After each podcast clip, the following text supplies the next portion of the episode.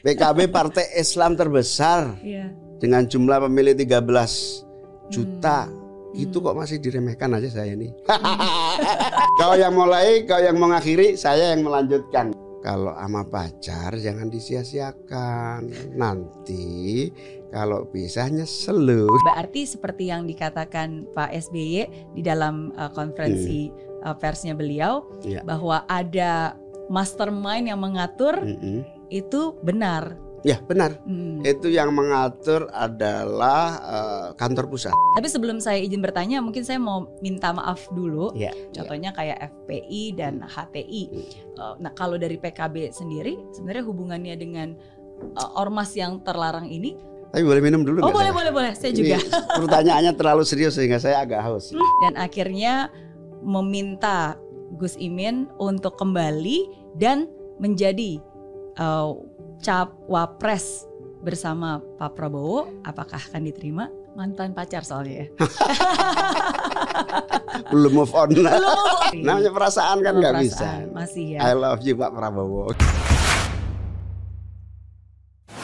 Hari ini saya terhormat sekali karena sudah hadir bersama saya Ketua Umum PKB yang baru saja mendeklarasi sebagai Wakil Presiden bersama Pak Anies Baswedan. Siapa lagi kalau bukan Gus Imin? Terima kasih Miss. Mary. Senang sekali saya diundang di Sama-sama. ABB dan kehormatan luar biasa. saya penggemar Anda Waduh, yang suka melihat motivasi-motivasi dan pandangan keindonesiaan yang luar biasa. Ini kehormatan sekaligus kesempatan saya untuk menjadi bagian terus-menerus perbaikan-perbaikan bangsa. Amin, amin. Dan hari ini punya kesempatan bukan hanya biasanya mungkin kita saling lewat di timeline masing-masing ya. Saya eh, kenalnya di timeline saja. muncul di FYP gitu. Bukan hanya saya yang muncul di FYP-nya Gus Imin. Mungkin uh, video-videonya Gus Imin juga sering muncul di FYP-nya saya belakangan ini. Iya, iya. Tapi hari ini kita bisa duduk, bisa bertukar pikiran. Um, ya dan semoga lebih banyak hal-hal baik yang bisa didapatkan dari obrolan kita hari ini ya. Amin, amin. Amin, amin. Oke. Tapi karena tadi Gus Imin mention tentang video-video saya, Iya. sebenarnya ada satu yang pengen saya tunjukkan ke. Gus Imin nih. Ini menarik banget karena awalnya saya nggak tahu, terus ada temen yang menginfokan, terus saya jadi lihat ini cuplikannya. Ntar minta komentar dari Gus Imin ya. Kalau mengutip Japa Mariana, Gerindra itu Garuda yang terbang tinggi. Meskipun ada gagak di atasnya mematuk dan mengganggu, Garuda tetap terbang dan terus terbang. Wow. Mengukir prestasi Oke. Nah jadi itu em, terima kasih sudah mau mention nama saya. Iya, saya ingat itu karena saya lihat videonya Miss Mary yang Ah, eh, eh, bercerita tentang burung apa eh, Elang dan elang gagak. dan gagak yang itu sangat mewakili semangat kita semangat saya. Hmm. terutama saya pada dasarnya dulu waktu masih SMP SMA itu introvert. Yang ya sulit untuk eh, apa, ketakutan dinilai orang gitulah pokok biasa. Penyakit introvert pada umumnya. Itu persis penting sekali. Banyak anak muda yang yang butuh jangan eh, untuk dikasih tahu jangan pernah eh, ragu memilih hanya gara-gara omongan orang Hmm. memilihlah berdasarkan tujuanmu, keyakinanmu tanpa harus uh, mempertimbangkan apa pun omongan orang karena yang penting yakin dan benar itu penting buat buat motivasi dan pilihan Miss Mary tepat. Thank you. Pertama kali sama ini saya kaget loh, karena saya pikir ini ini uh, Gus Imin benar-benar nonton video saya sampai tahu sampai di komentar. Tanpa tag loh itu saya ingat Iya. aja nih oh iya. Oh, atau mungkin siapa tahu ada yang tapi tapi pidato ini menguntungkan Pak Prabowo. Pas momentum itu momentum jadian itu. Momentum Jadian dengan jadian dengan, Pak Pak Prabowo. Prabowo. belum pacaran, masih pendekatan-pendekatan. Momen itu momen jadian. Eh, Karena itu adalah saat di mana uh, PKB memutuskan untuk berko- berkoalisi bareng ya. Berkoalisi bareng dengan Gerindra dan itulah tanggal jadian. Oke. setahun yang lalu. Ya, tapi sebenarnya lagi-lagi tetap aja prinsip bahwa um, seperti burung elang yang siap terbang tinggi, walaupun ada gagak yang mematuk dan meng- mengeluarkan komentar-komentarnya, jangan terganggu, Jangan jangan terdistract, tapi fokus aja terus naik. Itu intinya di situ sehingga orang bisa mengekspresikan seluruh potensinya dengan tanpa hambatan Hmm. oleh psikologi apa pun. Anak muda sekarang mestinya menjadikan motivasi Miss Mary ini sebagai langkah-langkah supaya lebih eh, apa namanya tidak ada kendala psikologis. Ya. Sebetulnya orang maju itu kan kendala utamanya dari diri sendiri. Betul. Saya ini bukan seorang motivator, tapi saya lihat iya sebetulnya hambatan untuk maju itu bukan dari siapa-siapa, tapi dari diri kita sendiri. Iya, setuju, setuju Gus Ya. Bahkan saya selalu bilang musuh terbesar dari kesuksesan itu bukan kegagalan, karena kegagalan itu temannya kesuksesan. Tapi musuh terbesar kesuksesan adalah ketakutan. Ah, saya dapat juga ketakutan itu dari Iya. Gus Dur. Hmm. Gus Dur bilang, sesungguhnya ketakutan itu sumbernya adalah yang kamu ciptakan sendiri dengan ketakutan. Hmm. Jadi, Sebetulnya ketakutan itu tidak ada, Iya. ada karena diciptakan sendiri. Iya, Itu itu sehingga, ya, tapi kalau orang nanya nanti kalau nggak takut resiko bisnisnya gimana? Ya itu lain lagi ceritanya. Jadi lebih tahu. rasa takut itu perlu untuk membuat kita jadi lebih berhati-hati sebelum melangkah. Tapi jangan sampai rasa takut itu menghentikan kita untuk nggak melangkah sama sekali. Betul. Hmm. Tapi saya di agama juga dapat itu. Di Islam saya diajari rasa takut dan berani itu pada dasarnya diberi oleh Tuhan. Hmm. Sehingga perlu betul-betul men- apa, merenungkan. Jangan-jangan ini ketakutan yang bukan diberikan Tuhan, tapi ketakutan yang dibikin sendiri. Iya. Ya, kira-kira gitu. Betul, betul. Pikiran kita sendiri Pikiran ya, kita yang sendiri. yang membuat kita berhalusinasi dan akhirnya menciptakan ketakutan itu tersendiri. Saya selalu tanya apa yang berubah dan apa yang masih sama kepada bintang tamu saya dalam waktu lima tahun. Hmm. Tapi kalau untuk Gus Imin kayaknya nggak butuh lima tahun nih. Bahkan kayaknya lima bulan aja juga terlalu lama. Dalam lima hari aja bisa banyak yang berubah. Betul, betul. Seminggu terakhir ini terjadi perubahan yang dramatis. Bahkan eh, banyak senior dan tokoh bilang ini eh, dramatis gitu ya. Hmm. Karena memang ini eh, minggu-minggu saya mengambil eh, keputusan yang bukan saja mengejutkan eh, berbagai pihak, tetapi juga eh, menjadikan eh, peta keadaan ini eh, berubah. Hmm. Nah, keadaan berubah ini supaya tidak disalahpahami bahwa pada dasarnya saya tidak berubah. Yang berubah adalah bagaimana agar seluruh gagasan, ide-ide, cita-cita, ideologi yang memang tanggung jawab saya dan PKP ini tidak berhenti. Hmm. Harus terus, ibarat air itu mengalir terus, jangan sampai berhenti. Yes. Kalau air itu berhenti agak lama, biasanya bau, menjadi comberan. Oke. Jadi saya kira ide untuk terus memperbaiki diri adalah bagian dari pencarian. Saya melakukan itu dalam lima hari ini Hmm. karena saya sebelumnya bersama Pak Prabowo di Gerindra, Hmm. saya eh, setahun bersama-sama sangat baik, sangat mesra, kerja terus selama setahun bersama Pak Prabowo. Iya. Uh, kemudian saya pindah. Meskipun mengejutkan, sebetulnya saya tidak uh, ber- berubah secara dramatis. Ada tahapan-tahapan yang, yang cukup panjang selama satu tahun. Termasuk di dalamnya, uh, saya nggak mungkin meninggalkan Pak Prabowo. Uh, kalau melihat Pak Prabowo tidak cukup perahunya untuk jadi calon presiden. Hmm. Seandainya PKB dan Pak Prabowo saja misalnya gitu, tanpa ada Golkar dan PAN, mungkin saya tidak akan tinggalkan beliau. Tapi karena saya lihat sudah cukup, ya Hmm. saya punya kesempatan untuk uh, uh, uh, apa namanya mencari alternatif agar tidak stuck aliran air yang memang dimandatkan kepada saya. Hmm. Air perjuangan, air cita-cita, air ideologi, air harapan para konstituen NU dan seterusnya.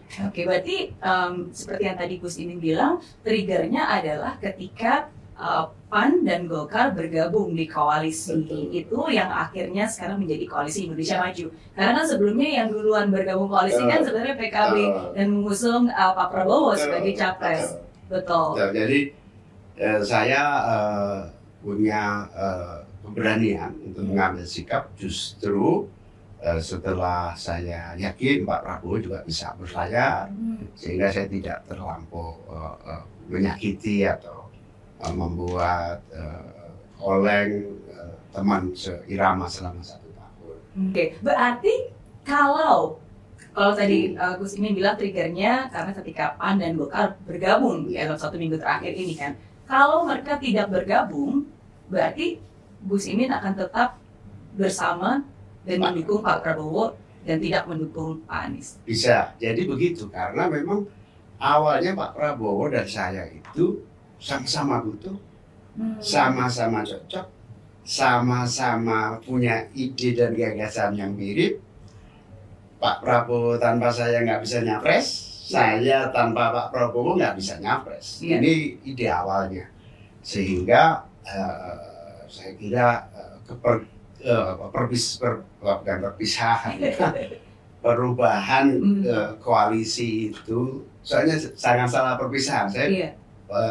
Ketemu teman-teman Gerindra saya bilang ini bukan perpisahan atau perpecahan ini pilihan untuk melaksanakan cita-cita masing-masing Hmm. siapa tahu cita-cita kita harapan kita bisa kita jalankan di koalisi masing-masing Hmm. itulah kira-kira eh, sehingga eh, eh, pilihannya menjadi eh, kita berbeda koalisi hari ini Iya, iya. Karena ada beberapa orang yang melihat karena tadi mungkin kaget, mendadak, seperti kata di drama, akhirnya berpikir, oh mungkin karena sekarang perahunya sudah terlalu banyak, ada beberapa calon-calon eh, wakil presiden yang bisa mendampingi atau mungkin diusung oleh partai masing-masing tadi dari PAN dan juga dari Golkar eh, untuk bisa mendampingi Pak Prabowo. Eh, akhirnya itu menjadi salah Ya. satu em, trigger. Sebetulnya sudah sejak awal PKB menyampaikan ke Pak Prabowo dan Gerindra bahwa eh, mengusung saya sebagai capres atau cawapres itu adalah perintah dan mandat muktamar PKB di Bali 2019.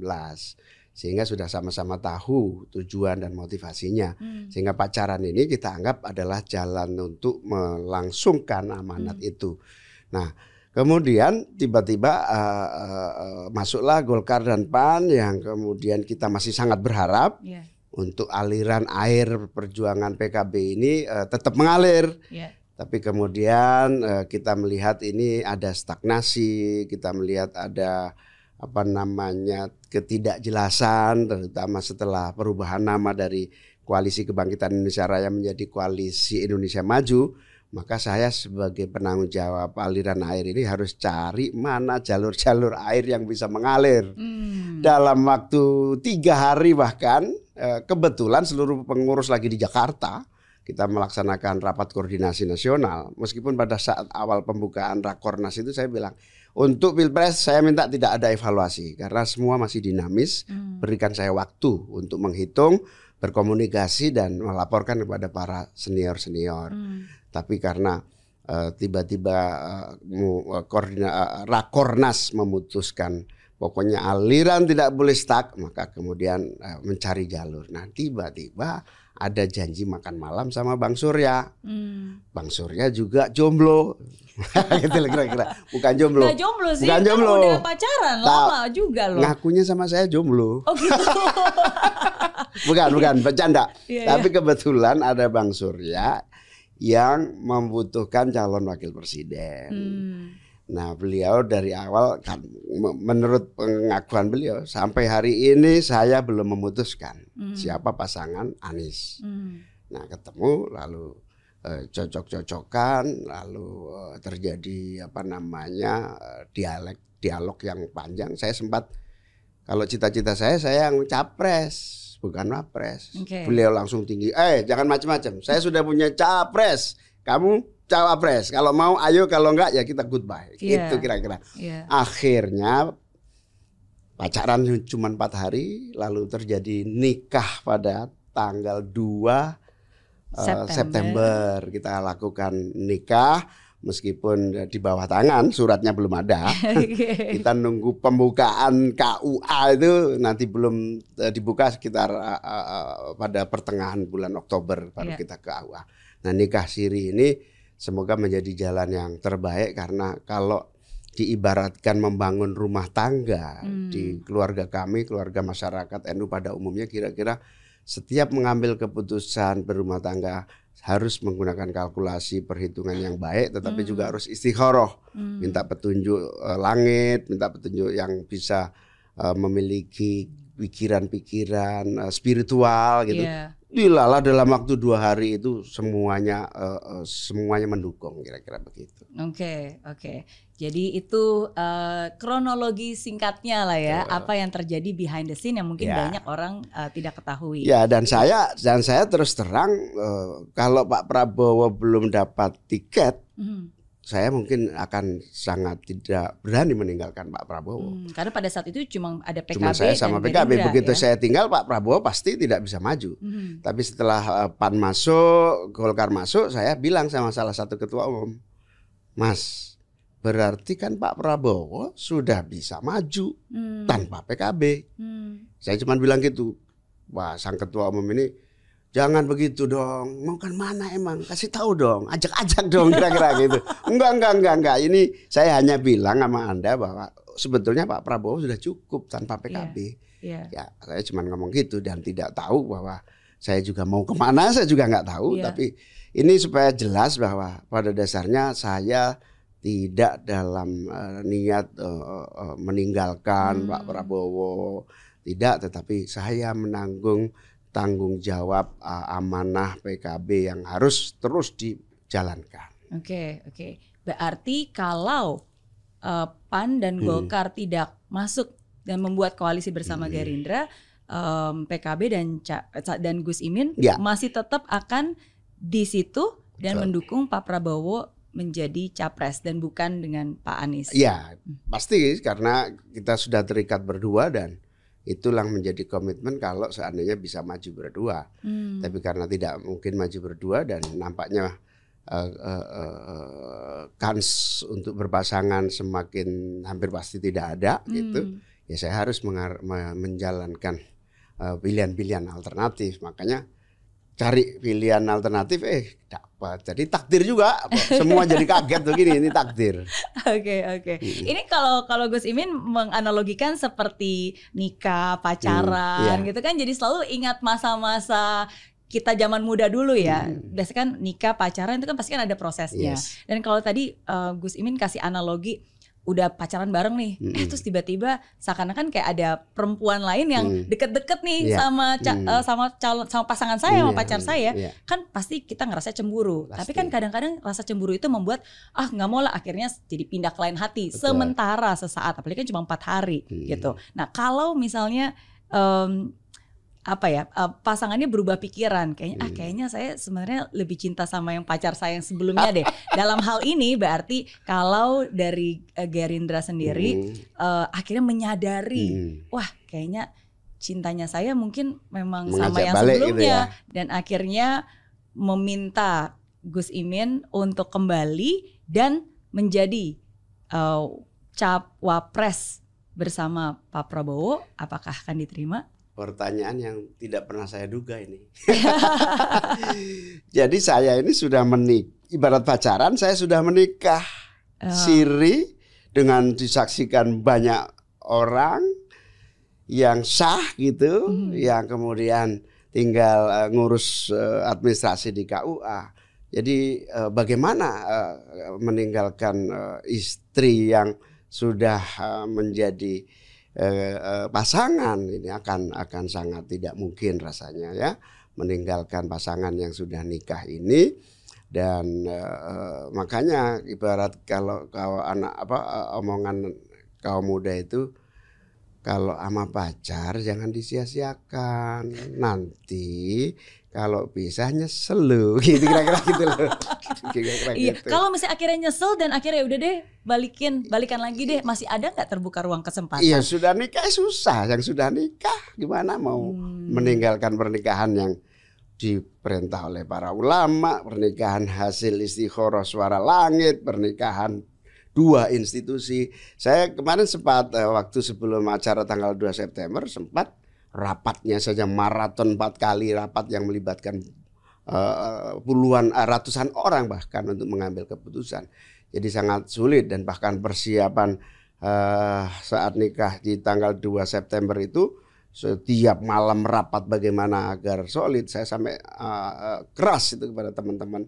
Ini pernikahan jutaan orang jangan salah kamu menikahkan anak saja rapatnya enam bulan ini tiga hari kita harus menyiapkan jadi ayo nggak usah tidur kerja saking saking cepatnya proses yeah. nikah itu jadi ibarat pernikahan sudah persiapannya sudah jalan semua jadi kalau cerai ya pasti berbahaya gitu. Hmm, jadi tidak sudah menentukan pilihan sudah dan tidak pilihan. akan ke lain hati tidak. dan nggak akan lirik-lirik lagi gitu ya. Sudah. Dan bahkan kalau Pak Prabowo sendiri yang meminta menjadi hmm. cawapres beliau pun uh, sudah terlambat waktunya. Iya, begitulah kira-kira uh, uh, uh, uh, karena saya menangkap uh, pacar lama saya juga sudah punya pilihan, jadi enak sajalah kira-kira hmm. begitu. Ini seperti kalau anggap aja seperti orang yang pacaran sampai pada hariannya yang dinikahi lain bukan pacarnya. seperti halnya kalau zaman dulu itu yeah. bikin skripsi jangan coba-coba persembahan skripsi untuk yang terkasih pacarnya. Karena sudah ditulis gak akan bisa dihapus. Nah begitu kalian nggak sama pacarnya. Gitu aja sesuatu yang biasa. Kau yeah. yang memulai kau yang mengakhiri Hal ini yang mengakhiri siapa ya? kau yang mulai, kau yang mengakhiri, saya yang melanjutkan. Nah, kira-kira gitu. Iya betul. Tapi sometimes kadang-kadang ya kalau kita ngomong tentang jodoh, oh ini menarik, menarik Gus Imin. Hmm. Ada yang bilang jodoh itu di tangan Tuhan, hmm. tapi ada yang juga bilang enggak, jodoh itu di tangan papa mama katanya. Ah iya iya iya betul betul. Iya kadang-kadang nih kalau orang lagi nikah cepet tuh ya, mungkin orang berpikir apalagi pacarannya cepet, jangan-jangan ini memang orang tuanya nih yang jodohin dan mereka mungkin ada apa perjanjian-perjanjian hmm. tertentu nih. Dalam arti ini berarti bapak-bapaknya lah. Lebih baik gagal nikah, nikah daripada nikah gagal tadi. Betul. Jadi jalan Tuhan itu penting menjadi pilihan karena takdir itu kita tidak tahu. Hmm. Hasil akhir kita tidak tahu. Hmm. Bayangkan saya sama Pak Prabowo satu tahun kampanye hmm. pasangan. Iya. Di Jawa Timur, Jawa Tengah satu tahun. Ibarat, Bukan cuma itu loh. Pak Anies dan Pak Ahy kan juga hmm, gitu. Ya itu yang disebut uh, pacarannya sudah berlangsung panjang dan uh, tiba-tiba bukan jodohnya itu pasti nggak enak. Hmm. Pasti terbawa mimpi.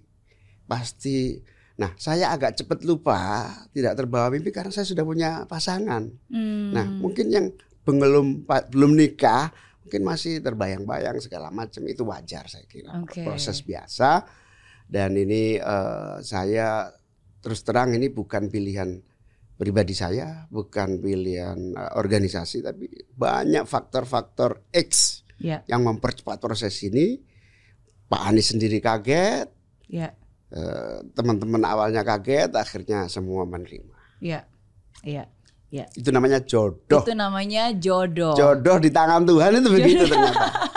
Lebih baik eh, ikuti apa namanya uh, jodohnya daripada memaksakan jodohnya betul. hasil akhirnya kita nggak tahu. Betul, lebih baik awalnya gagal nikah daripada nikah gagal ya. Iya, berarti seperti yang dikatakan Pak SBY di dalam uh, konferensi hmm. Uh, persnya beliau ya. bahwa ada mastermind yang mengatur hmm. itu benar. Ya benar. Hmm. Itu yang mengatur adalah uh, kantor pusat, hmm. yaitu Allah Subhanahu Wa Taala. Jadi mastermind yang namanya takdir itu Allah sebenarnya. Apa jari kantor pusat itu kalau di Jawa Timur? Uh -uh. Uh, manut pusat, manut pusat itu manut hmm. Allah. Dijamin manut pusat uh, uh, apa namanya akan selamat gitulah kira-kira hmm. itu di Jawa Timur bahasanya gitu. Oke. Okay. Oke, biasanya kalau udah nikah, berarti anggapnya ini sekarang udah nikah udah siri nikah siri. ya? Tinggal nikah ke KUA. Tinggal ke KUA dan ya. tinggal katanya bulan madu. Ya sebetulnya kita Bangun bersepakat rumah. bulan madunya nanti aja setelah ada surat nikah dari KPU. Berarti setelah Oktober ya? Nah, pertengahan Oktober. Pertengahan Oktober. Tapi karena kita ya sudah kesengsem ya, yang namanya juga. ya sudahlah sambil jalan kita mulai bulan madu di beberapa acara di beberapa tempat sambil kita uh, menyiapkan eh, saat-saat uh, formal nanti pada di KPU. Iya, iya. Dan berarti sudah menyamakan ini dong, um, apa namanya? Biasa kalau nikah kan mau punya anak berapa, nanti mau rumahnya segede apa, terus udah gitu anaknya mau sekolah di mana, menyamakan pandangan belum, dan belum bukan hanya itu, mm-hmm. bukan hanya menyamakan menyamakan rencana yang akan kita bangun sebuah rumah tangga, tetapi uh, mengkompromikan perbedaan-perbedaan yang dramatis di publik. Hmm, apa perbedaan? Misalnya, ini aneh, kok PKB uh, eh, mau Pak Anies padahal Pak Anies dituduh uh, apa politik identitas misalnya gitu. Iya. Pak Anies dituduh ini itu ini itu. Kita perlu klarifikasi dan memang sebelum saya uh, kita memutuskan kita sempat memanggil Pak Anies di hmm. kantor hmm. PKB dan mempertanyakan semua perbedaan itu. Hmm apa benar uh, bahwa uh, latar belakang yang diimagekan oleh publik hmm. itu uh, ada di dalam diri Mas Anies hmm. itu sempat terjadi klarifikasi Mas Anies jawabannya sama dia bilang sekarang bukti aja lima tahun saya politik identitas apa enggak dia bilang itu yeah, yeah. lima tahun apakah saya sesuai dengan apa yang dituduhkan apa enggak selama memimpin DKI maksudnya yeah, yeah. itu jawaban Pak Anies dan uh, kita juga berdebat soal Eh, bagaimana agar eh, pikiran eh, ideologi khilafah, iya. ideologi cita-cita yang melawan merah putih dan NKRI yang dituduhkan yeah. kepada saya semua terklarifikasi dengan baik dan apalagi saya saya adalah kekuatan PKB hmm. yang memang terdepan hmm. di dalam uh, prinsip untuk menjaga NKRI, menjaga Bhinneka Tunggal Ika, menjaga Pancasila. Yeah. Kakek buyut saya itu termasuk perintis dan penjaga Pancasila. Jadi trust me bahwa Pak Anies sudah saya uh, ajak bicara tuntas soal berbagai persepsi dan perbedaan. Rumah tangga memang yeah. harus di ibaratnya gini, eh gua dengar lu punya pacar 56 ya. Dia nanya, ya lu juga pacaran sama Prabowo. Ya sudahlah lupakan masa lalu kalau ada. Enggak saya nggak pernah pacaran kok, saya cuman ya ya gitu-gituan aja lah kira-kira gitu. Itulah contohnya okay. sehingga clear dan saya uh, apa namanya semangat serta bertekad bahwa yeah. ini pilihan Tuhan yang terbaik. Awalnya yang kita tidak uh, rencanakan dan hmm. kita tidak duga. Oke, okay, oke. Okay. Saya saya senang banget nih, benar-benar senang bisa ketemu sama Gus Imin karena saya uh, ingin belajar dan ingin lebih mengerti. Yeah. Um, jadi saya izin bertanya, tapi Silakan. sebelum saya bertanya, karena tadi uh, Gus Imin ngomong tentang politik identitas. Yeah. Tapi sebelum saya izin bertanya, mungkin saya mau minta maaf dulu yeah. uh, kalau mungkin dari pertanyaan saya nanti ada yang kurang tepat. Yeah. Karena bukan minta maaf karena pertanyaannya terlalu sulit untuk Gus Imin jawab, karena saya kan nggak ada pertanyaan yang sulit yang nggak bisa dijawab oleh Gus Imin. Yeah. Tapi saya minta maaf karena sebenarnya uh, saya sendiri mungkin kurang bisa memahami dan hmm. mengetahui um, apa partai-partai yang uh, berbau um, apa uh, keagamaan yeah. uh, karena dan saya sendiri pun juga tidak terlalu mengerti dan mendalami politik apalagi yang berhubungan dengan uh, keagamaan gitu. Jadi saya mohon maaf di awal kalau mungkin Gak ada apa salah persepsi atau Gak salah apa aja boleh ditanya yang gitu penting ya. kalau saya bisa jawab. betul betul. Oke, okay. kalau menurut um, pemikiran saya, berarti kan di Indonesia ini ada partai yang nasionalis, ada partai yang agamis. agamis. Uh, kalau partai yang agamis ini berarti ada PKB, PKS, PAN, dan P3. P3. Oke. Okay. Nah, dari empat ini uh, mungkin pasti setiap partai itu berbeda-beda ya. Uh, tapi kalau saya lihat sih bukan hanya berbeda warna bajunya atau berbeda uh, tujuannya, tapi saya melihat bahwa ini sepertinya di masyarakat tuh ada perbedaan yes. dari segi ideologis Ideologi. gitu. Nah, seperti saya bilang saya kan orang awam yeah. dan saya tidak terlalu memahami dan Betul. mengerti apalagi di uh, di tempat seperti itu. Jadi kalau dari uh, Gus Imin bisa dijelaskan hmm. sebenarnya apa perbedaannya dan uh, ya dan ya. dan apa perbedaannya gitu supaya saya bisa mengerti. Saya coba akan menjelaskan tapi saya akan lebih hati-hati menyebut partai atau orang okay. karena nanti menjadi delik hukum. Hmm, oke, hmm, oke. Okay, Jadi tuduhan dan segala macam. Iya. Tapi boleh minum dulu Oh boleh saya? boleh boleh, saya Ini juga. pertanyaannya terlalu serius sehingga saya agak haus. Karena saya ingin Penting, mengerti. penting. Ini Karena kalau penting. kalau kita tidak mengerti, Penting. sering kali jadi banyak uh, asumsi dan asumsi berimajinasi akhirnya membuat kesimpulan tidak tepat. Ya, sejak reformasi dulu zaman Orde Baru semua sentralistik, semua satu eh, kekuatan Hmm. yang beda disikap. Memang bagus, Hmm. stabil. Hmm. Tapi di sisi yang lain api dalam sekam. Oke. Nah, itu, Berarti itu. dulu P3 ya? Dulu nggak ada agama partai nggak ada. Semua Oh. partai sama. Oke. oke. Cuman latar belakangnya ada yang dari background keagamaan, Oke. ada yang background non keagamaan. Oke. Zaman Orde Baru begitu. Iya. Jadi kalau yang suka agama-agama di sini, yang suka eh, yang non agama di sini. Iya. Tapi semua satu. Oke. Ibu- Wong saya dulu malas ikut partai itu karena ya sama aja partai nggak ada bedanya. Iya. Nah, bagus dalam konteks stabil, Hmm. tapi api dalam sekam. Hmm. Tidak terjadi ekspresi dari keberbedaan-keberbedaan gagasan ideologi faham. Hmm.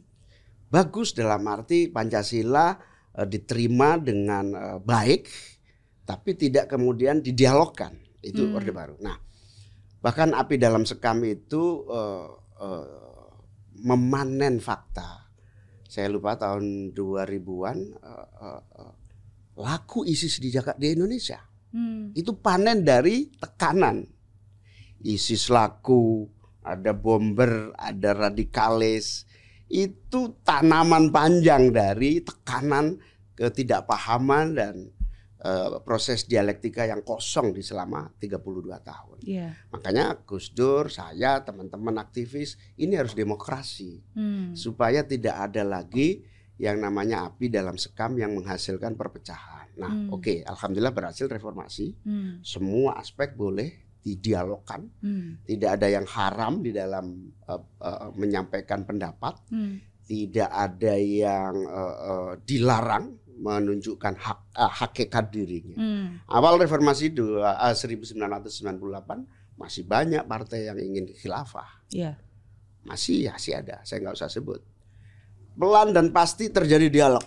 Iya. Wah keras dialognya. Bahkan pada awal-awal amandemen Undang-Undang Dasar 45 ada sponsor-sponsor yang ingin dimasukkan negara Islam. Hmm. Ada. Dan sah. Hmm. Uh, perdebatan di MPR saya terlibat langsung. Lambat laun ide itu realistik, Hmm. realistis. Yang awalnya menggebu-gebu khilafah, yang menggebu-gebu negara Islam nggak laku di pemilu, Hmm. nggak laku. Semua kelihatan sudah mulai menengah, Iya. tidak kanan semuanya. Nah, itu faktanya ya. Iya. Terjadi dialektika. Nah, dialektika ini harus diteruskan. Iya. Demokrasi harus dijaga. Demokrasi harus dikuatkan supaya pada akhirnya orang memahami the best choice bangsa ini ya NKRI ini. Betul. Itu perlu. Nah, dari situ eh, Miss Mary kalau mau dibuka setelah reformasi seluruh ideologi masuk. Iya. ISIS laku. Di Lamongan banyak yang berangkat ke eh, Syria Oh. jadi pejuang ISIS sampai sekarang terlantar di perbatasan Yordan. Hmm. nggak jelas kewarganegaraan. Bukan satu dua orang, ratusan orang. Hmm. Sampai sekarang tidak. Ini karena memang keterbukaan ideologi masuk ke Indonesia dengan apalagi sosial media, apalagi tahun-tahun 2000-an produksi sosmed kaum radikalis dari internasional produk Hmm. tiap hari Disisipin tuh. mencekok uh, kita sampai di eh, koordinasi NU itu mendapatkan fakta-fakta bahwa eh, eh, sosialisasi dan doktrin radikalisme melalui sosial media begitu efektif. Hmm. Nah perlu perlu kita antisipasi. Akhirnya terjadi yang namanya recruiting ke Afghanistan, Hmm. recruiting menjadi eh, bagian dari jihadis, ya, recruiting menjadi pem- pe- pecinta khilafah. Itu Hmm. luar biasa. Oke, semua masuk, semua diuji. Inilah hebatnya demokrasi. Hmm. Semua masuk itu kesimpulannya apa? Karena semua gagasan ideologi masuk, Indonesia ini terbelah dalam dua ekstrim. Oke. Ekstrim kiri, ekstrim kanan. Iya. Kalau mau bisa dibilang ekstrim kiri ini sekuleris murni ya. Oke. Gak percaya agama. Agama itu menghambat kemajuan. Ya. Agama itu eh ritualnya ini habis-habisin waktu. Itu Ya. ada loh di Ya. republik ini. Ya. Dan itu boleh namanya pandangan demokrasi boleh. Sisi kanan ini gara-gara banyak korupsi, perusakan lingkungan, eh, kekerasan, eh, rumah tangga berantakan karena nggak ada agama. Hmm. Menarik ekstrim kanan, kanan, seluruhnya harus agama. Hmm. Terjadi itu terjadi kira-kira 2000, 2004, 2005 Hmm. ekstremisme itu akhirnya muncul pemahaman bahwa eh, apa namanya ya, sekuler ini membawa kegagalan bangsa ini. Hmm. Tapi di sisi yang lain masih yang sekuler ini nganggap agama ini menjadi penghambat lambat. Eh, enak-enak kerja kok disuruh sholat gitu-gitu kira-kira gitu. Iya. deh. Ini dua Gitu. ekstrim ya. Hmm, Ada teman saya yang lebih lucu kutub. lagi. Saya pokoknya supir saya harus Kristen. Kenapa? Kenapa? Supaya saya keluar kerja nggak nunggu dia sholat dulu. itu contoh eh, bagaimana eh, dinamika lucu-lucuan Iya. itu. Saya pu- punya teman itu.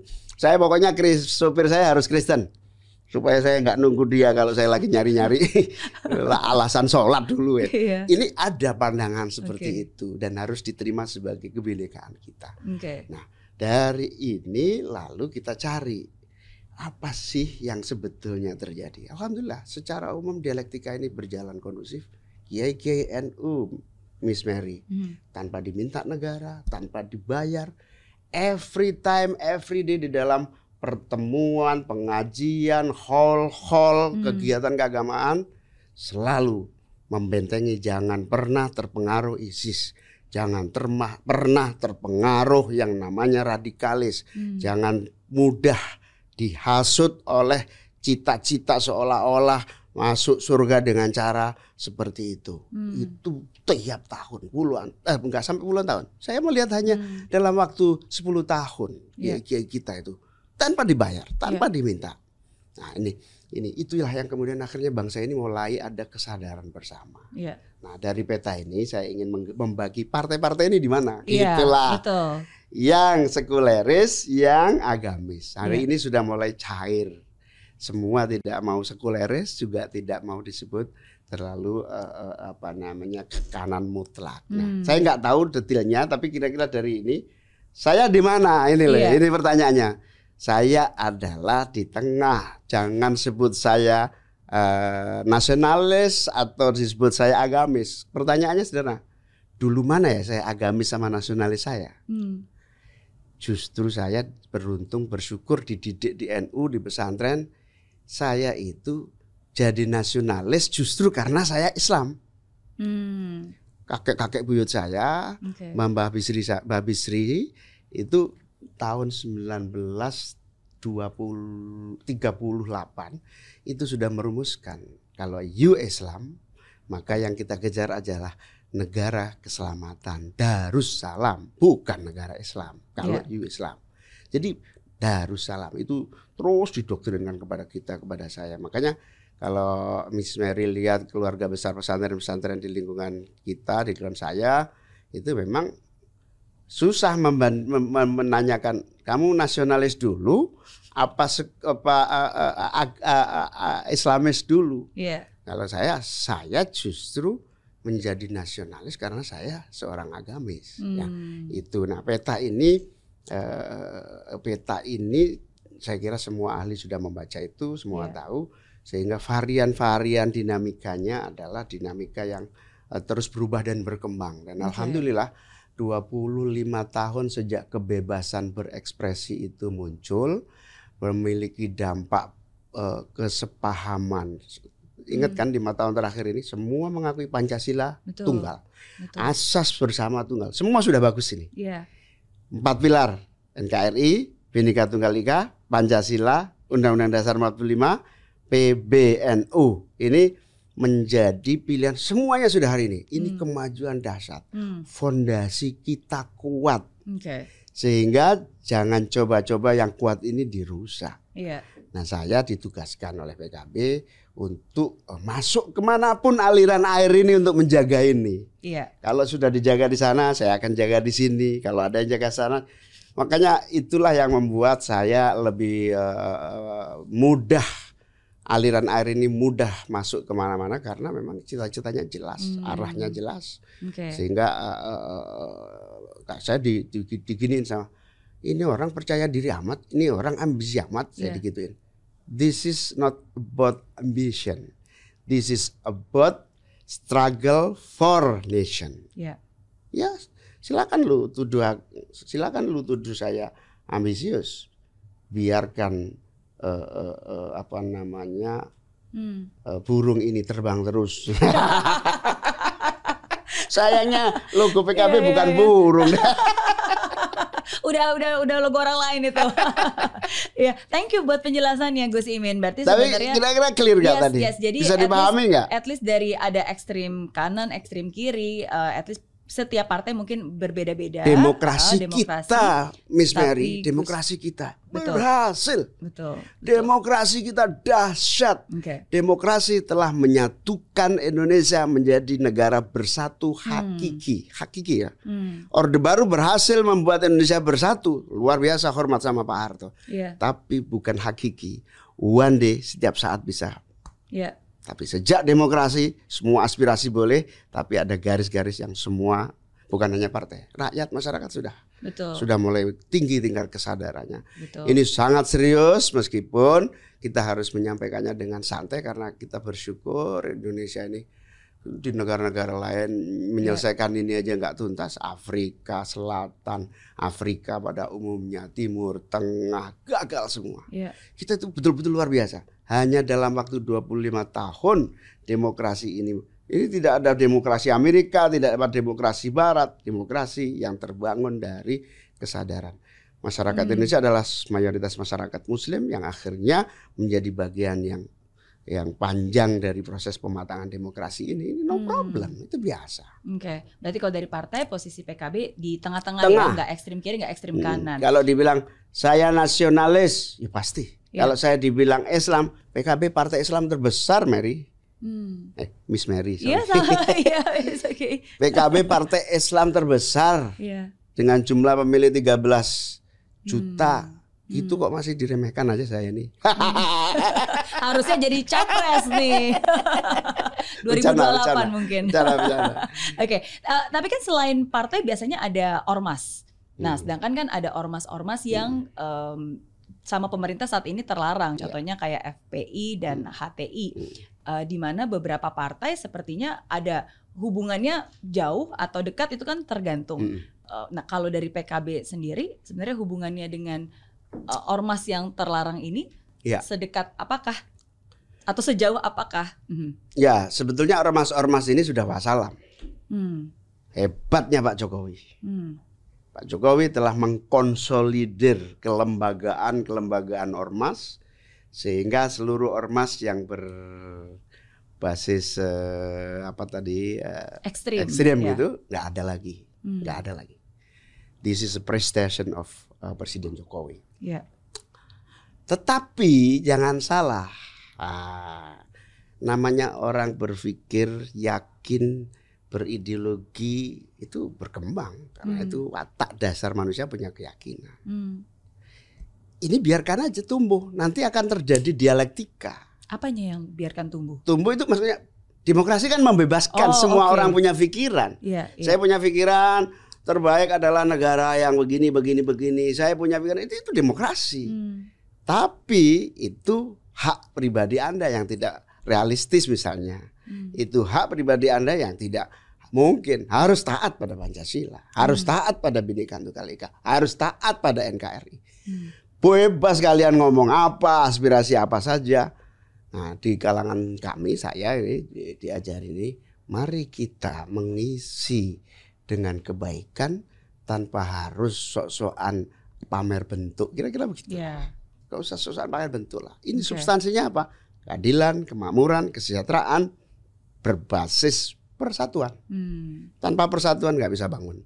Hmm. Satu-satunya persatuan yang bisa kita bangun empat pilar. Ya. Ini harus dijaga.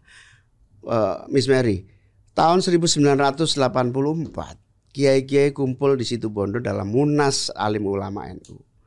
Tiba-tiba beliau-beliau memutuskan Pancasila harus jadi asas tunggal. Hmm.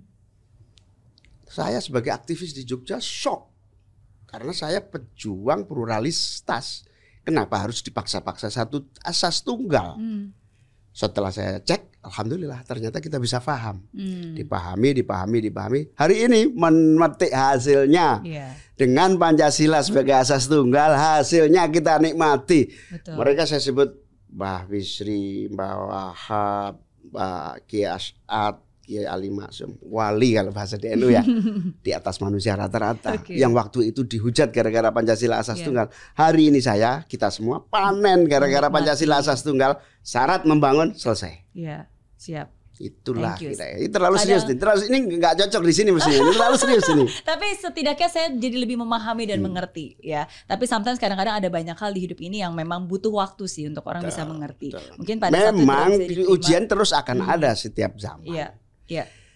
negara mana pun akan menghadapi ujian setiap zaman. Bagaimana kita kita Iya. warga kita tiba-tiba tertarik ikut ISIS, warga kita tiba-tiba menjadi sangat radikal. Ya itu proses yang Ya. harus kita kerjakan dengan baik. Alhamdulillah 15 tahun terakhir ini luar biasa. Masyarakat juga mulai mencerna.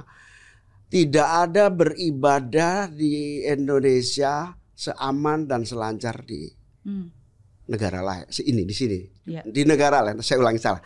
Tidak ada beribadah di Indonesia. Eh salah. Sorry sorry sorry.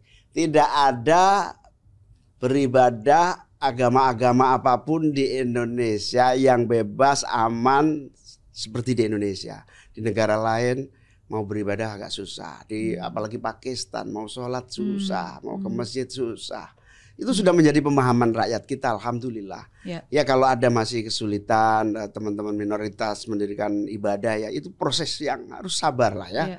Sebetulnya ibadah itu urusan pribadi. Ngapain sih dihalangi? Ini udah mulai bagus nih. Betul, betul. Sudah mulai tidak ada hak orang menghambat beribadah di mana pun. Betul, Tidak ada orang. betul. Tidak ada yang punya hak menghambat ibadah orang. Daripada menghambat maks eh, daripada membiarkan maksiat kan lebih baik membiarkan ibadah kan gitu. Itu logikanya begitu. Betul, Itulah betul. contohnya. Ini rasa syukur ini. Yes, thank you, thank you. Iya, eh, biar nggak terlalu Serius? serius. karena Caimin, eh, Eh, karena ini jadi po- Imin itu, podcast negara jadi ini. Padahal oke, nggak apa-apa. Saya tanya yang pertanyaan lebih ringan deh buat Yes, Gus Imin. yes. Oke, jadi saya akan menyebutkan lima tokoh politik, eh, sahabat-sahabat semua sih sebenarnya. Dan saya ingin Gus Imin memberikan komentarnya. tiap-tiap orang. Iya, Oke. izin boleh ya? Boleh. Oke, yang pertama Pak Anies Baswedan. Intelektual eh, intelektual pemikir eh, sekaligus eh, memiliki gagasan-gagasan brilian dan eh, berhasil menjadi gubernur. Hmm. Pak Ganjar.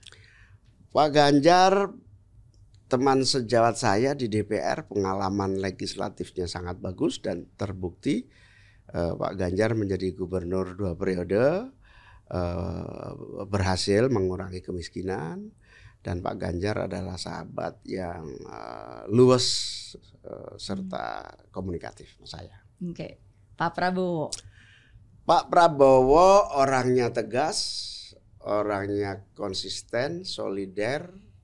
Pak Prabowo juga baik hati. Hmm. Hmm. Mantan pacar soalnya ya. Belum move on. Belum. Harus loh kan udah nikah. Iya. Nikah siri. Namanya perasaan kan nggak bisa. Masih ya. I love you Pak Prabowo. Gitu kira-kira. Oke. Bu Yeni Wahid. Yani Wahid ini pemimpin potensial. Dia eh, ditempa oleh berbagai pengalaman, Hmm. eh, keberhasilan, kegagalan, memiliki jaringan luar negeri yang luar biasa, Hmm. sangat dibutuhkan. Adik saya, saya tahu persis, saya yang mengajak dia masuk PKB, kemudian tumbuh bareng-bareng dan insya Allah ya ini akan jadi eh, pemimpin. Hmm. Oke, oke. Oke. Eh, bu- bukannya PKB itu kok eh, Gus Imin yang mengundang mengajak Bu Yeni Wahid masuk PKB. Saya pikir PKB itu dibuat oleh eh, almarhum Gus Dur. Ya. Dan udah bersama langsung dengan Bu Yeni Oh Wahid. belum belum. Oh, PKB oke. ini kan yang bikin NU. Oke, oke. Berarti Pendirinya- mohon maaf kalau saya salah. Pendirinya, waduh, seluruh ulama se-Indonesia ikut mendirikan. Oke. Tidak ada satupun ulama NU yang tersisa. Hmm. Bahkan ketika ada ulama-ulama bikin partai baru, itu eh, di Cirebon bikin partai sendiri, di eh, mana-mana bikin partai sendiri, akhirnya tunduk pada istilah ijtima ulama, Hmm. kesimpulan ulama terbesar. Semua bikin. Oke. Saya panitianya, ini pendiri juga, Iya. pendiri Oke. juga. Jadi pas proses itu eh, eh, apa namanya Gus Dur didatengin sebagai ketua umum NU oleh para ulama-ulama, kemudian justru disambut baik oleh PBNU. PBNU bahkan mengeluarkan surat untuk memerintahkan persiapan pembentukan atas aspirasi-aspirasi ulama. Jadi kumpul blek semuanya. Makanya eh, PKB itu sakti. Hmm. Begitu lahir tahun 98 ikut pemilu 99 langsung juara tiga. Hmm. Sakti betul. Wow. Itu luar biasa. Juara tiga nggak main-main. Nah eh, eh, s- awal berdiri ya saya eh, sama Gus Dur merintis ya Said Agus Siraj tanpa biaya iuran bisa segala macam cara tumbuh berkembang Eh, adik saya Yeni ke mana-mana mendampingi Gus Dur Hmm. belum masuk belum mau masuk PKB. Nah, lama-lama suatu hari di acara di Medan saya masih ingat saya bilang saatnya kamu mau ikut, saatnya Hmm. kamu menjadi bagian dari perjuangan formal Hmm. ini. Ayo kita gabung. Kita akhirnya langsung saya jadiin wakil sekjen, Hmm. wakil sekjen dengan harapan ya kalau wakil sekjen anaknya Gus Dur kan kekuasaannya di atas ketua umum kira-kira gitulah, Hmm. kira-kira gitu. Jadi udahlah wakil sekjen aja, jangan terlalu menonjol supaya eh, smooth gitulah. Iya. Dan belajar banyak dia, saya juga belajar banyak. Eh, akhirnya partai ini alhamdulillah eh, sakti sampai hari ini menjadi partai yang cukup diperhitungkan, bukan cukup sangat diperhitungkan. Hmm. Eh, ibaratnya partai ini punya basis yang sangat kuat, Hmm. tidak goyah. Iya. Makanya setiap pilpres menang, siapa yang bersama PKB menang. Karena ini tinggal pindah mau ke sini, mau ke sini, Hmm. gitu. Oke. bet- Terakhir Pak Surya Paloh. Surya Paloh, Bang Surya Paloh, seorang pemberani eh, keras dalam eh, apa namanya me- me- menjalankan kepemimpinan organisasi untuk disiplin. Pak Surya Paloh orang yang baik hati. Pak Surya Paloh wartawan yang menjadi tempat belajar banyak orang termasuk saya. Hmm. Saya tahun 90 97 bergabung di Detik eh, tabloid Detik, kemudian eh, sempat kerjasama dengan grupnya Bang Surya, memang wartawan senior yang canggih. Hmm. Oke. Terima kasih sudah menjawab lima komentarnya. Tetap serius juga dijawabnya. Serius ya, iya ya terpengaruh saya. Oke, dua pertanyaan terakhir buat Iya, Gus Imin. silakan, silakan. Eh, apa pilihan tersulit yang pernah Gus Imin alami? Minum dulu. Dari kecil atau Mm-mm. Mm, mungkin sudah terbesar? baru-baru ini, apakah mungkin baru-baru ini? Ya, tersulit menentukan pilihan koalisi, pilihan tersulit. Iya. waktunya pendek, saya eh, minta waktu untuk konsultasi kepada kiai-kiai senior. Di PKB itu kan ada Dewan Suro, ada senior, ada eh, kiai-kiai kultural gitu ya. Tapi juga saya butuh konsultasi untuk senior-senior eksternal. Hmm. Sulit sekali, tidak tidur saya tiga hari tiga malam untuk memutuskan ini Hmm. akhirnya eh, kita lakukan bahkan sangat sulit eh, karena mudah disalahpahami dan seterusnya tapi alhamdulillah jalan panjang itu sudah menemukan pilihan dan akhirnya tanggal 2 kita tanda tangan Iya. kerjasama tertulis bersama Nasdem dan PKB Iya, iya. Sepertinya itu Sulit sulit, itu. bukan hanya it, konsiderasinya itu saja, termasuk salah satunya mungkin konsiderasi karena dengan memilih bergabung dengan Nasdem Nasdem dan bersama dengan Pak Anies, Hmm. berarti kan itu oposisi dengan p- pemerintah sekarang sedangkan kan dari Gus Imin sendiri Ya. 20 tahun sebenarnya selalu berada di pemerintahan. Ya, justru saya agak ringan dalam konteks ini karena Nasdem masih ada di dalam koalisi. Hmm. Menteri Nasdem masih ada dua, Menteri PKB juga ada, Hmm. sama-sama. Jadi ke- waktu salaman sama Bang Surya itu benar nih kamu. Yes, Bismillah yuk salaman eh, merah putih, salaman NKRI, salaman Pancasila Jaya, tetap dalam koalisi Pak Jokowi. Hmm. Jadi menterinya ada masa nggak koalisi gitu kan gitu. Jadi no problem. PKB dan Gerindra, eh PKB dan aduh masih kapan lama. terus. Iya, iya. PKB dan Nasdem, Nasdem. itu dua-duanya masih ada di dalam pemerintahan yang eh, menjadi bagian dari koalisi Pak Presiden Jokowi. Hmm. Oke, oke. Tapi kalau mendapatkan restu, misalnya dalam arti seperti ini, eh, kan banyak orang sudah eh, apa tingkat kepuasan dengan pemerintah yang sekarang kan surveinya sangat tinggi dan banyak pemilih itu akhirnya eh, entah deh lihat yang di apa ya, yang ditunjuk bukan ditunjuk ya apa sebutan yang lebih bahasa baiknya ya, yang direkomendasikan ya eh, Apa? dari pemerintah sekarang nanti lihat aja mereka menunjuknya ke yang mana. Hmm. Nah, so far kan selalu ada yang bilang eh, Pak Prabowo atau nggak mendukung Pak Prabowo, ada yang bilang mendukung Pak Ganjar, tapi nggak pernah tuh disebutkan bahwa pemerintah sekarang mendukung Pak Anies. Nah, sedangkan Pak Gus Imin berada di sini bukankah itu justru malah jadi ya eh, tergantung cara pandang ya. Pak Jokowi sebagai presiden berkali-kali membuat statement bahwa saya tidak ikut-ikut hmm, itu urusan ketua umum ketua umum partai dalam menentukan pilihan itu yang paling pokok. Yang kedua dengan saya bergabung sama Pak Anies seluruhnya ada koalisi pemerintah. Hmm, semuanya anak-anak bangsa yang ada di dalam pemerintah. Tidak ada lagi yang yang bukan anaknya Pak Jokowi hari ini. Oke. di semua koalisi ada anak-anaknya Pak Jokowi. Saya yakin Hmm. meskipun saya belum sowan ya belum ada waktu untuk sowan saya, saya sudah menyampaikan kepada teman-teman yang eh, mendampingi Pak Hmm. Presiden Pak Jokowi ya inilah bagian dari apa yang disebut sebagai eh, eh, takdir sejarah Ya. saya juga nggak menyangka ya kita semua saya yakin Pak Jokowi semua yang ada di Republik ini adalah anak-anak presiden Ya. yang Ya. ya, ya tentu kita sangat berharap restu langsung Betul. tapi kalau tidak mungkin statement ya minimal doanya. Iya, iya. Cara pandang yang sangat menarik ya.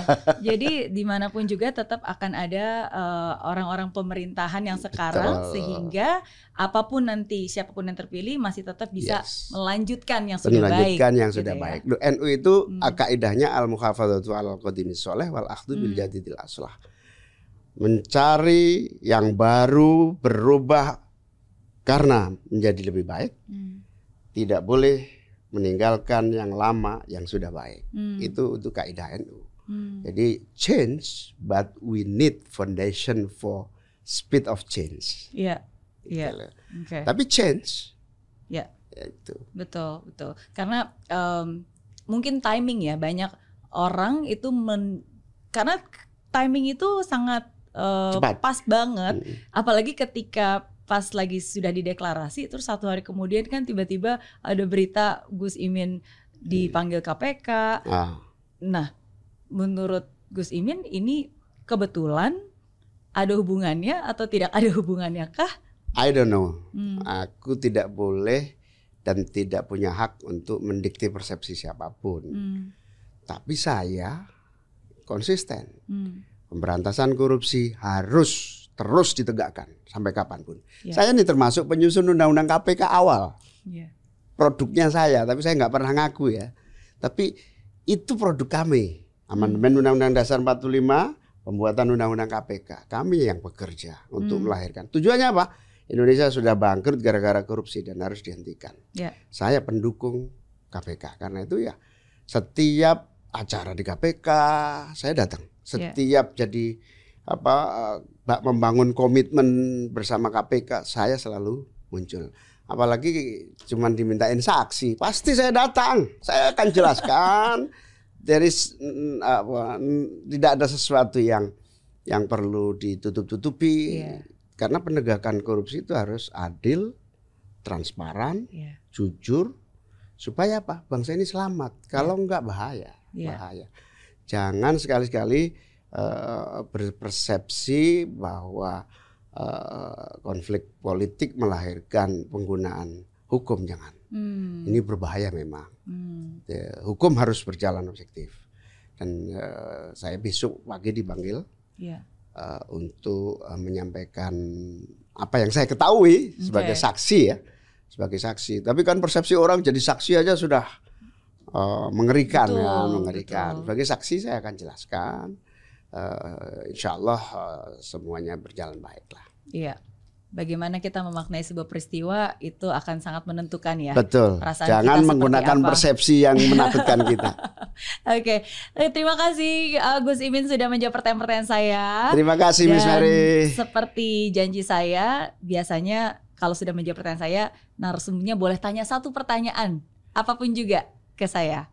Gimana caranya bisa sukses punya follower jutaan begini nih? Gus Imin lebih banyak loh, berapa ratusan juta Indonesia kan? Bukan, saya mau tanya, eh, apakah kesuksesan Miss Mary ini tiba-tiba atau ada kerja berat yang harus dilalui? Oh iya, itu mudah untuk saya menjawabnya Iya. Gus Imin. Sudah pasti nggak tiba-tiba. Karena proses di mana saya sekarang ini adalah proses pembelajaran, penggemblengan, suka duka, jatuh bangun dari bahkan sejak eh, 25 tahun yang lalu. Kalau saya bisa runut balik ya. Hmm. Ya. Lewat peristiwa-peristiwa yang awalnya saya pikir itu sebuah bencana, tapi sekarang saya sadar itu sebuah rencana. Lewat kejatuhan yang saya pikir itu adalah akhir dari segalanya, tapi sekarang ketika saya melihat itu justru fondasi awal untuk saya membangun hal-hal yang jauh lebih luar biasa yang nggak pernah terbayangkan, nggak pernah terpikirkan dan nggak pernah terbersit gitu. Jadi bukan karena anak orang kaya atau Oh bukan, keluarga sama kaya, sekali sama bukan. sekali. Dulu saya lahir tinggal besar Tanjung Priuk, Hmm. Gus Imin. nggak pernah kebayang mau sekolah luar negeri punya bisnis sendiri nggak pernah kebayang. Oh, Tapi ya proses lah, sulitnya Berarti hidup. kesimpulannya memang benar. saya. Meskipun kamu anaknya orang sukses belum tentu sukses ya. Hmm, Kalau tidak ada tantangan dan eh, apa, kerja keras. iya. Tapi saya bersyukur saya Hmm. terlahir dari orang tua yang kaya, tapi bukan kayak harta, kayak iman, kayak harapan. Ah, sama, Eh, sama, sama. Dan Saya juga, itu yang menurut saya, saya bersyukur. membantu saya sih. Jadi keberhasilan orang tua kita yang pas-pasan itu menjadikan anak-anak begini luar biasa. Tapi saya khawatir eh, apakah saya bisa melahirkan anak-anak di tengah eh, berbagai tantangan yang seperti ini. Hmm, iya, Karena eh, semuanya beda gitu. iya, iya. Masa sulit-sulit yang dihadapi siapa pun percayalah itu pasti menuju apa investasi menuju sukses. Itu Hmm, pasti. hmm. Kira-kira begitu kan Betul, pengalamannya? betul. Kerja keras selalu membuahkan hasil. Hasil. Orang yang bekerja keras dia menciptakan keberuntungan Hmm. bagi dirinya sendiri. Kalau di tempat saya ada tambahan satu lagi. Jangan lupa sholawat. Iya, terima kasih sekali lagi. Sukses selalu. Terima kasih terlalu serius ya saya sama Miss enggak, Mary ya. Aduh sorry ya saya tiga hari ini tegang soalnya. Ya kan masa-masa baru nikah siri. Semoga dilancarkan semuanya. Ya moga-moga sampai beres di KUA dan eh, kemudian eh, resmi sebagai eh, calon di 2024. Amin. Terima Kita kasih Mary. lakukan yang terbaik buat Indonesia.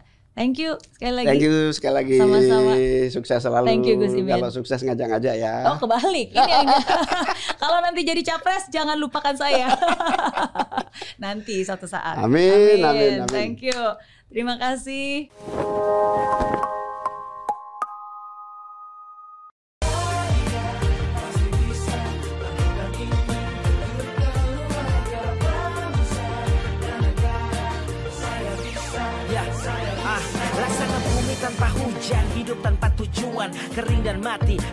Hijaunya tumbuhan. Ah, demikian kalau mimpi tak kunjung terjadi.